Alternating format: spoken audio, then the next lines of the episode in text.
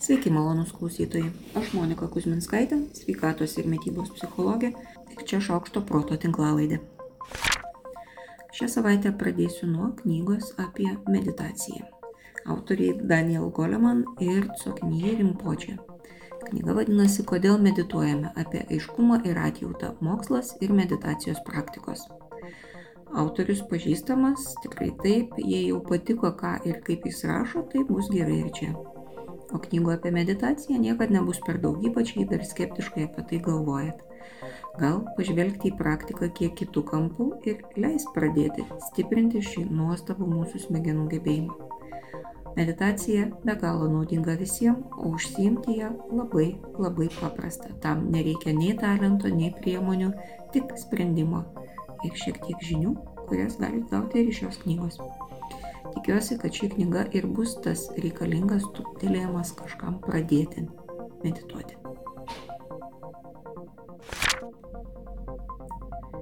Ačiū pavalgiau, buvo malonu. Taip vadinasi vienas iš mano senesnių įrašų, kurį kartoju ir šį kartą. Valgymas ir maisto patyrimas būtinai turi būti malonus, kad visas maisto pasisavinimo procesas įvyktų efektyviai. Tiesiog taip yra. Tokia yra mokslinė realybė ir niekur nuo to nepasprūksim. Ypatingą dėmesį čia prašau atkreipti visus, kurie maistą įsimeta už žando arba įsimeta į skrandį, niekad nevalgo tik už kandą, nes, na, nėra kada šiais laikais. Valios pastangų sąskaita valgo sveiką brokolį, nors gyvenime nesugalvoja bjauresnio skonio, bet reikia, nes sveika. Ir taip pat tėvams, kurie verčia vaiką suvalgyti visą sriubą nors vaikas dreba iš pasibaisėjimo šaukštų baksnodamas pieno plevelę ant sriubos. Ką žinome iš mokslinių tyrimų? Kuo labiau žmonės save riboja, konkrečiai maisto pasirinkimo kontekste, tuo mažiau aiškiai jie save suvokia. Čia naudojamas angliškas terminas lower self-clarity.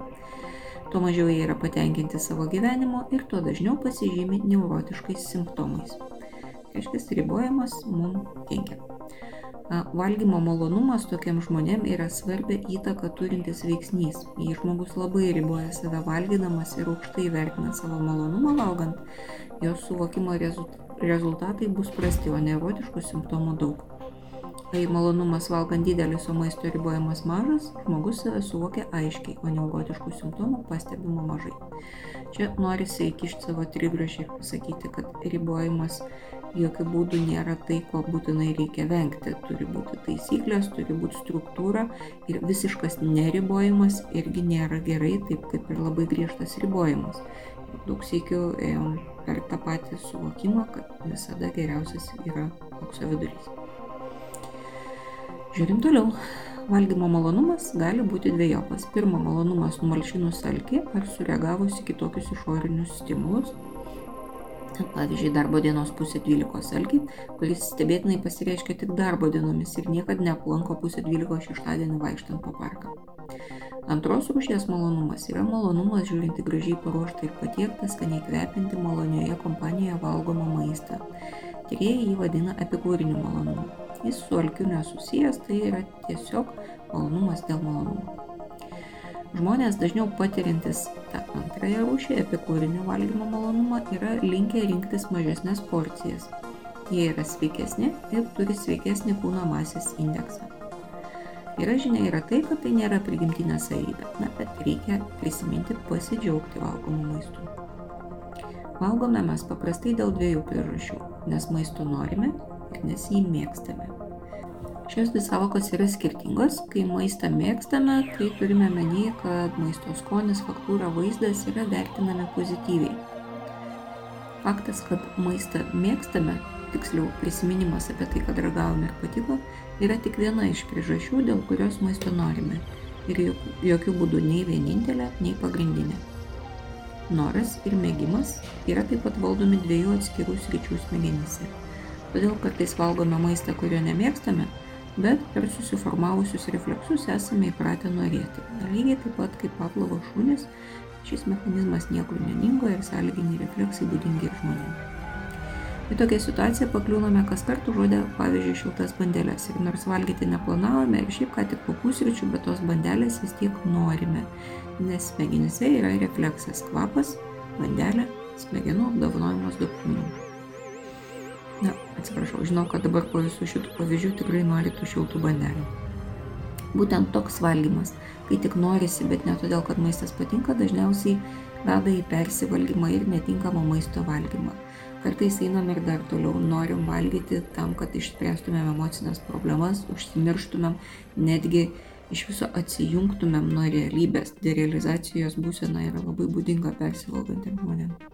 Taigi, kai šiais laikais maisto užuominų aplinkoje yra tiek daug, yra ir reklama, ir nuolatinis užkandžiavimas, kuris yra normalizuotas, galimybė maisto nusipirkti beveik bet kur, tai dažnai žadinami ir refleksai skatinantis valgyti. Šios refleksus taip pat stiprina ir patiriamas stresas. Tai jeigu stresuojate, tai ir dar stipriau patiriate kiekvieno iš jų poveikį. Na ką čia galima padaryti? Padarykit savo paslaugą ir išvalykit savo akiratį nuo maisto. Taip bent jau išvengsit spontaniškų, instinktyvių e, veiksmų, e, kurie tik pamačius maistą iš karto verčia jį suvalgyti. Valgykit tokį sveiką maistą, kurį mėgstat. Nes jeigu, sakyčiau, tik maistą, kurį mėgstat, dėl refleksų imtumėtės valgyti tik saldainius, o ne sveiką maistą. Tai iš viso sveiko maisto išsirinkite tą maistą, kuris jums patinka ir jį ir valgykite. Ką dar galima padaryti? Pasirūpinkite savo aplinkos švara nuo maisto užuominų. Tai reiškia, nelaikykit maisto matomose vietose, jeigu galit, nežiūrėkit maisto reklamų, nevaikštinėkit pramogai po maisto parduotuvės. Ir be abejo, valgykit tada, kai išalkote, o ne tada, kai atėjo pusė 12 darbo dieną valgykit maloniai, visom prasmėm. Tai turi būti ir patinkantis maistas, ir maloni kompanija, maloni aplinka ir valgymui skirtas laikas, o ne penkios minutės tarp dviejų susirinkimų. Taip pat neužmirškit bent savo įvardinti, kodėl jūsų valgomas maistas jums yra malonus.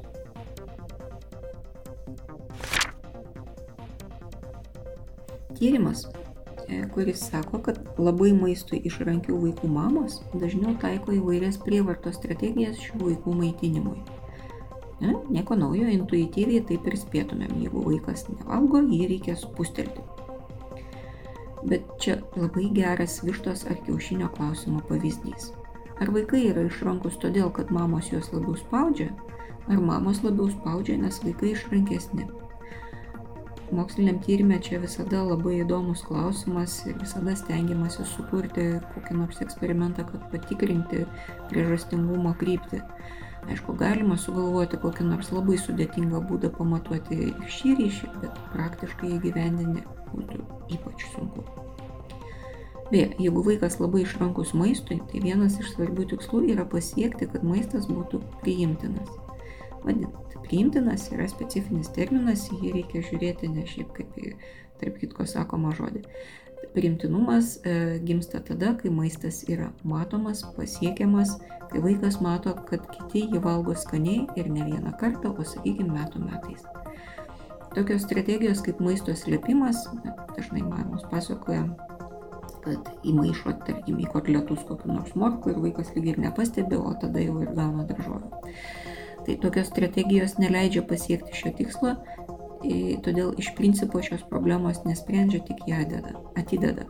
Vaikas tuo metu taip ir neišmoksta nei matyti morkų, nei mėgti morkų, nei jų valgyti. Ir užaugęs didesnis jis ir toliau tų morkų atsisakinės.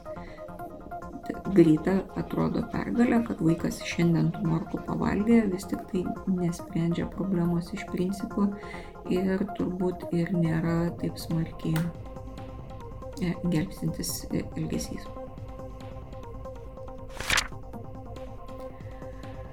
Dar vienas tyrimas. Šiam tyrimė vaikai buvo padalinti į dvi grupės.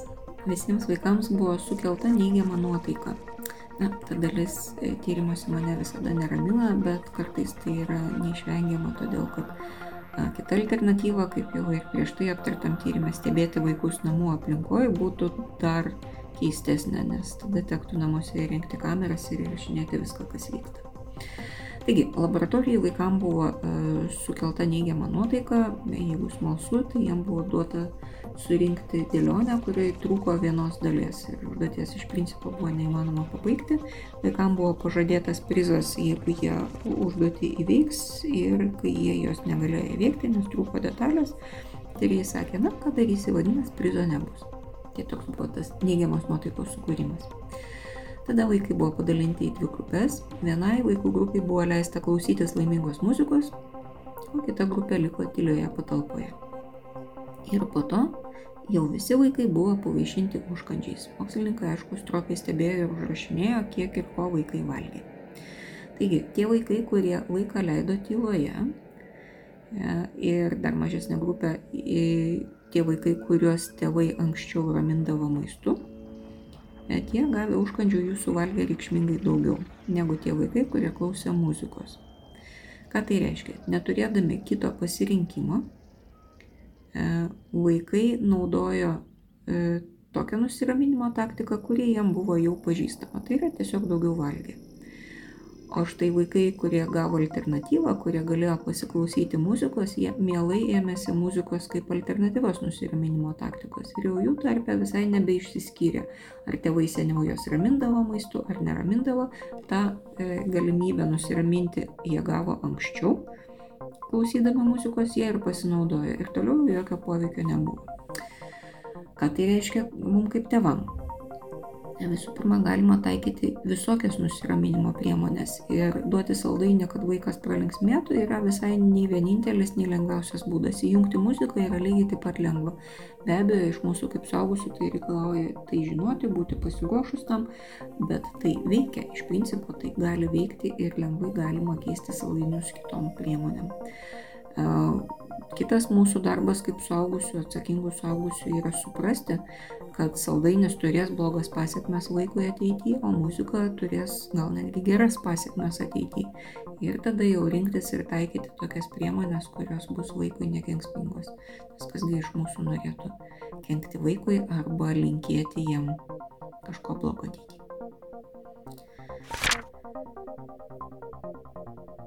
Ką man visiems reiškia įsijungti kamerą per nuotolinį susitikimą? Turbūt jau tikrai didelė dalis mūsų tai išbandėm per pandemiją, bet dar matyti iki galo nesupratom, kaip visą tai mus veikia. Veikia mus ir veikia aplinkinius. Ką tai reiškia kitiems susitikimo dalyviams? Ar žmonės dalyvaujantys susitikime įsijungia ir neįsijungia kameras? Buvo atlikta apklausa. Iš šios apklausos duomenys rodo, kad žmonėms labiau patinka susitikimai, kai kameros yra įjungtos. Žinau, kad tikrai yra žmonių, kurie su tuo nesutinka, bet jie dažniau kalba apie save, kad jiem patiems nepatinka įsijungti kamerų, o kai kiti įsijungia, iš principo jiem dažniau patinka. E, mums atrodo, tai mums tai tyrimo dalyviams, kad žmonės įsijungia kamerą yra aktyvesni, atsakingesni, labiau dalyvauja tam susirinkime. E, angliškai visam tam apibendrinti naudojamas terminas higher agency. Tačiau e, tokie žmonės, kurie įsijungia kameras, kurie yra hire in agency, nėra vertinami kaip labiau bendradarbiaujantis. Tai čia vėl angliškas terminas not hire in communion. Žodis reiškia ir bendrystę, ir bendradarbiavimą, ir buvimą kartu, ir lietuviškai turbūt tokio labai gero termino ir nerandu. Kitaip tariant, kameros naudojimas susitikimuose yra naudesnis, naudingesnis kitiem dalyviam negu pačiam kamerą naudojančiam žmogui tačiau tai nėra laikoma prosocialių veiksmų. E, tai toks gal ir dviprasmis e, rezultatas, bet tačiau jis paaiškina, kodėl mes niekada nenorim įsijungti ir visada norim, kad įsijungtų kiti, nes mums tai yra naudingiau. Čia turbūt verta sustoti ir paklausti, ar jūs įsijungiat kamerą per nuotolinius susitikimus ir jį galėtumėt pakomentuoti, kodėl.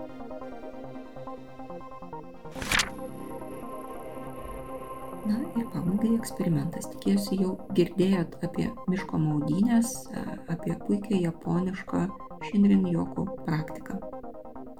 Laukia dabar šilta, malonu, todėl kaip reta gera proga tai ir išbandyti tokią praktiką. Japonija ši praktika buvo sukurta tiems, kurie jautėsi išsekę nuo ilgo ir varginančio darbo ofise. Ei, galvoju, čiagi mūsų labai daug šitai grupiai priklauso. Tai gal mano pasiūlymas tada joms dar aktualesnis. Instrukcija šiam eksperimentui labai paprasta. Nueikit ar nuvažiuokit į mišką. Tiks ir parkas, bet pasistengit, kad tai būtų natūrali aplinka, o ne kirpta vėja tarp suformuotų medžių lajų.